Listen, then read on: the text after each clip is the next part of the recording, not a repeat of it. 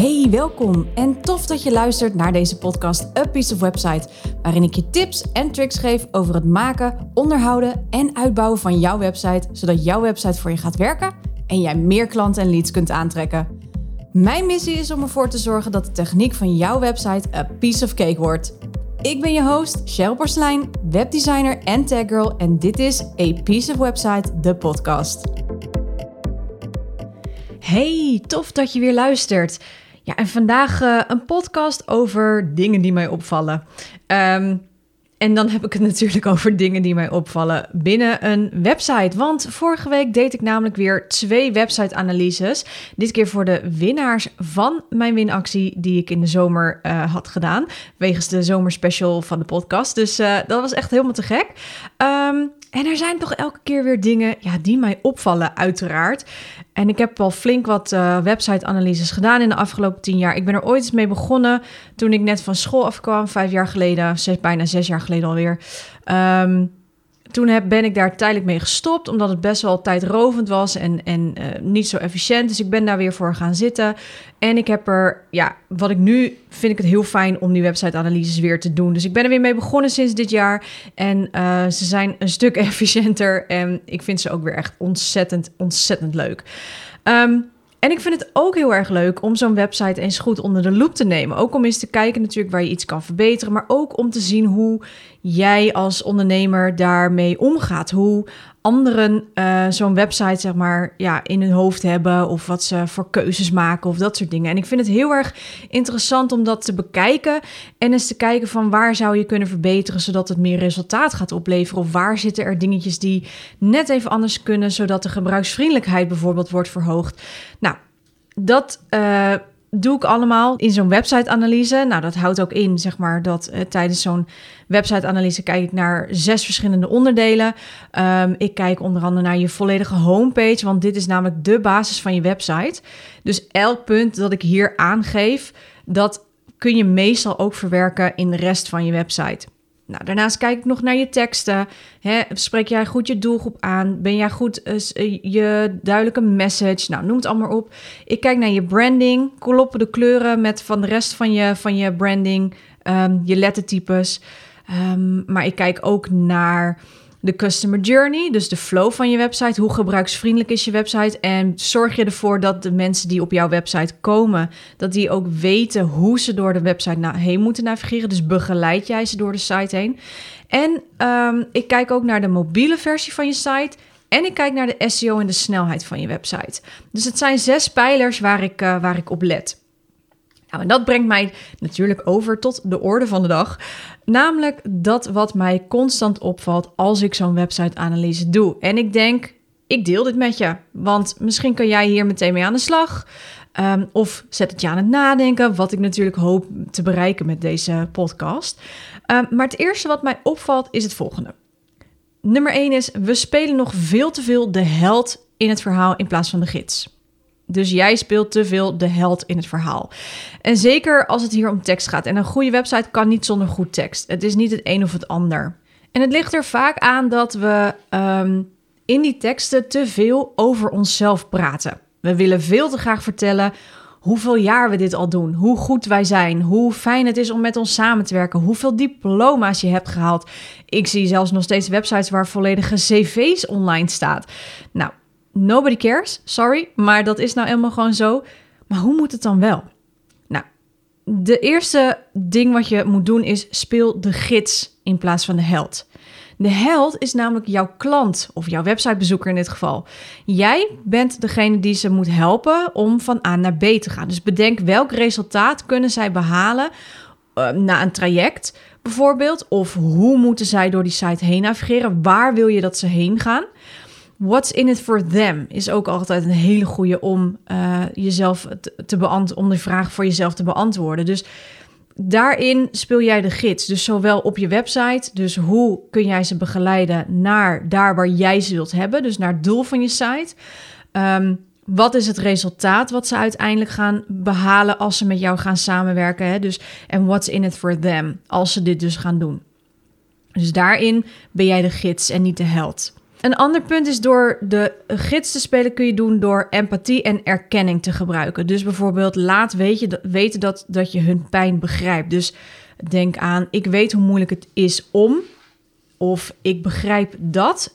En dan vervolgens uh, ga je door met de gids door de resultaten te delen of door uh, een casus te delen of iets in die richting.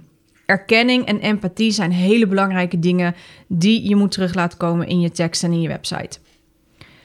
Een ander dingetje wat je kunt doen is, um, je mag best aangeven dat je al naam hebt gemaakt. Dat is ook echt helemaal prima, hè? maar hou het dan kort. Um, je kan bijvoorbeeld het combineren met die empathie. Bijvoorbeeld, ik begrijp dat, uh, beschrijf het om probleem. Um, en wij hebben, of ik heb, al meer dan 100 klanten geholpen om, en dan beschrijf je weer het resultaat. En hiermee geef je aan dat je weet wat je doet, maar je houdt de balans door die empathie en erkenning, uh, zonder dat je de held speelt in dit verhaal. Want je geeft wel aan, oké, ik heb al meer dan 100 klanten geholpen, maar die klanten hebben allemaal dit en dit en dit en dit resultaat behaald. Waardoor je dus die klant eigenlijk meer in de spotlight zet dan jijzelf. En als laatste, gebruik testimonials. Hè. Verhalen van je klanten zijn echt de beste manier om te laten zien dat je ook dadelijk have what it takes. Um, dat maakt het geloofwaardig. Beschouw dit ook bijvoorbeeld als mini-case studies. Uh, deze kunnen jouw websitebezoeker heel erg helpen om een betere beslissing te maken of om überhaupt een beslissing te maken. Dus dat zijn de vier dingen die je kunt doen. Nou, het volgende dat mij uh, opvalt is uh, nummer twee het feit dat wij als ondernemer geen keuze durven te maken. uh, we willen graag zoveel mogelijk laten zien. Want oh wee, als we iets vergeten of dat er een aanbod over het hoofd wordt gezien of iets dergelijks. En wat ik heel veel zie is dat we heel veel aanbod hebben. Het liefst zoveel mogelijk, zodat we niemand uitsluiten. Maar ik kan je vertellen dat dat juist averechts werkt. Want je overlaat iemand met keuze. En dat geeft keuzestress. En dat resulteert uiteindelijk in dat we onze handen ervan aftrekken en zeggen: laat maar, veel te ingewikkeld. Ik ga wel ergens anders kijken of ik geef het op. En vervolgens verlaten ze de website. Nou, en dat had dus zomaar die potentiële klant kunnen zijn, die wel gewoon klant had kunnen worden. Ik ben daar zelf een heel goed voorbeeld van.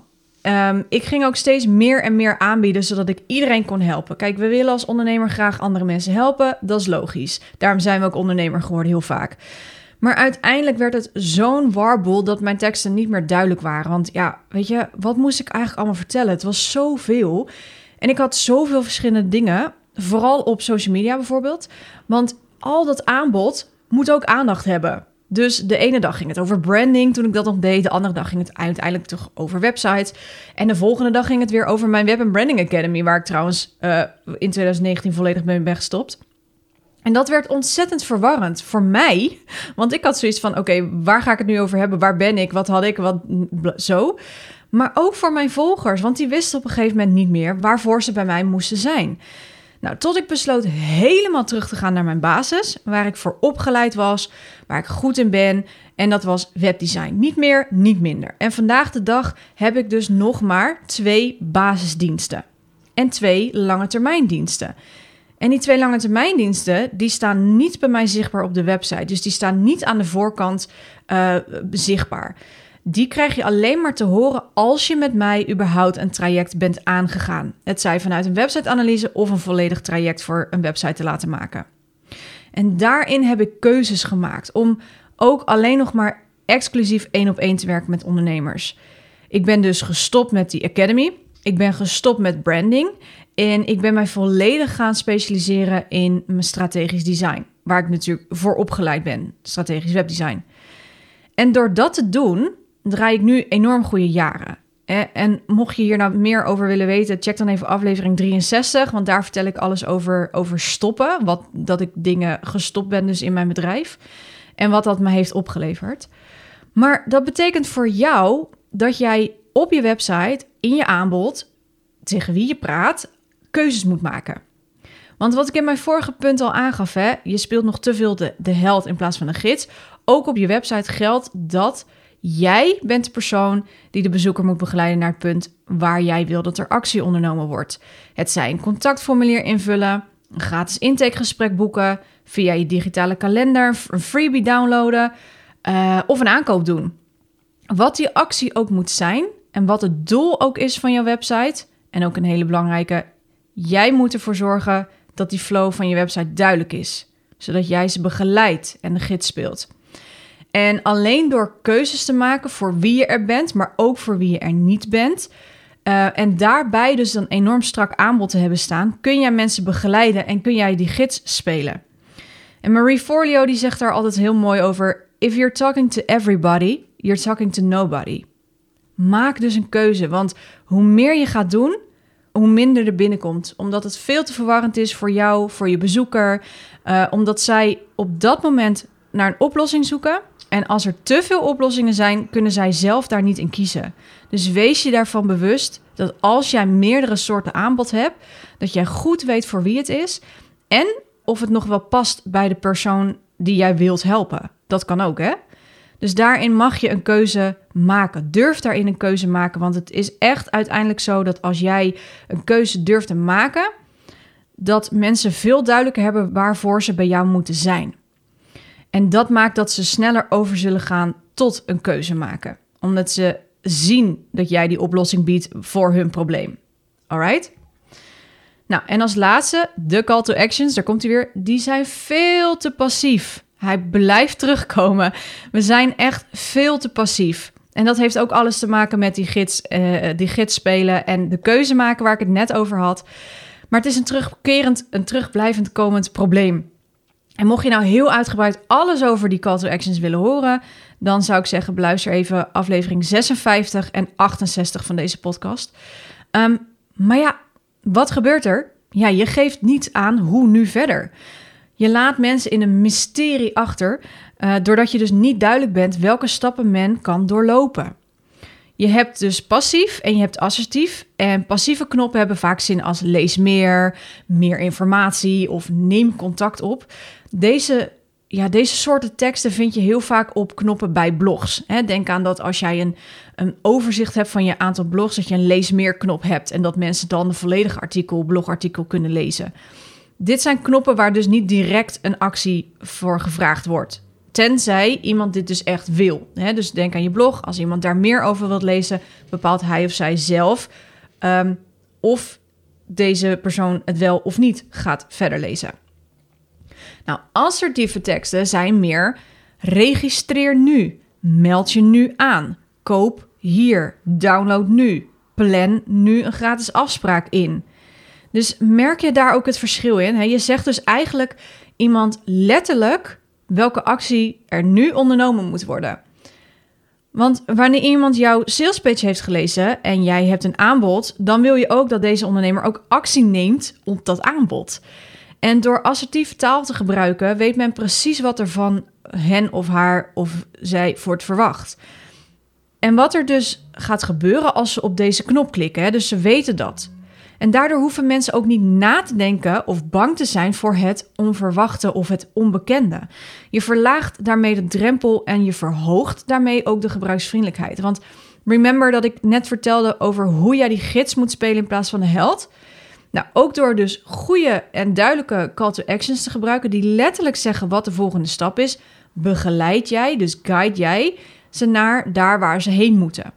En door letterlijk te zeggen: plan nu een gratis afspraak in. Of registreer nu voor mijn challenge. Dan weet men wat erachter zit. Want dan weet men als er staat: registreer nu voor de challenge. Dat ik hierna een inschrijfformulier ga zien.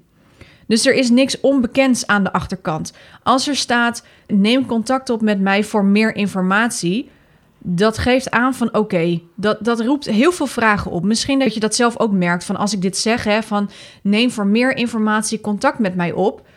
Dat je dan denkt, oh, maar ik moet contact met die persoon opnemen. Zit ik dan ergens aan vast? Wat gaat er gebeuren? Uh, maar ik weet nog helemaal niet of ik dit wel wil. Kom ik er nog wel onderuit? Dat zijn allemaal vragen die je op voorhand al eigenlijk weg wilt nemen.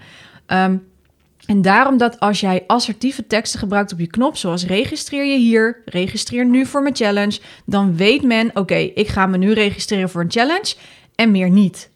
Dus daarom is het heel belangrijk dat je die goede call to actions gaat gebruiken. Yes? Alright, kleine recap. Nummer 1 was dus speel de gids in plaats van de held. Dus zorg ervoor dat jij de guide bent in dit verhaal en dat jij de persoon, de held, ja, dat je weet van waar ze naartoe moeten, dat jij weet hoe het werkt. Nou ja, noem het allemaal maar op. Nou, nummer twee is natuurlijk, hè, maak keuzes, specialiseer, zorg dat je duidelijk hebt voor wie je er wel bent, voor wie je er niet bent, is even belangrijk. En zorg ervoor dat dus voor wie je er wel bent, dat daar het aanbod echt op aan is gesloten. En zorg ervoor dat je dus niet te veel aanbod hebt. En als laatste, gebruik assertieve call to action. Zorg dat, de, dat je bezoeker duidelijk weet wat de volgende stap is. Nou, weet je, uiteraard zijn er nog veel meer dingetjes hoor. En ik kan hier uren over doorgaan. En weet je, het is ook helemaal niet erg hè, dat deze dingen gebeuren. We zijn allemaal mensen, we kunnen hiervan leren. Ook ik als webdesigner doe nog steeds niet alles goed op mijn eigen website. Net zoals het bij de loodgieter thuis lekt, toch? Ehm, weet je, eigenlijk vind ik altijd fouten maken, ja, dat bestaat niet echt. Het zijn lessen die we leren en ja, die we weer kunnen gebruiken om verder te komen. En wat ik ook altijd zeg, een website is nooit af. je zult na oplevering altijd dingen moeten aanpassen en verbeteren. That's okay. Dus weet je, maak je daar niet te druk om. Nou, mocht jij nou ook zo'n uh, website-analyse willen en weten hoe jij je website kunt verbeteren, dan komt nu mijn call to action. Ga naar www.cprecision.nl en boek jouw website-analyse direct bij mij in. See what I did there? Alright, ik uh, wens je een hele fijne dag. Tot de volgende keer en uh, de groetjes. Ciao! Hey, voor je deze podcast helemaal afsluit, ik heb nog iets heel tofs voor je. Er staat namelijk een geweldige driedelige podcastserie voor je klaar. Bomvol tips en tricks om je website te optimaliseren of om je website vanaf het begin goed op te zetten. Zodat jouw website de juiste klant gaat aantrekken en voor jou gaat werken. Vraag deze serie gratis aan op www.apieceofwebsite.nl/optimalisatie.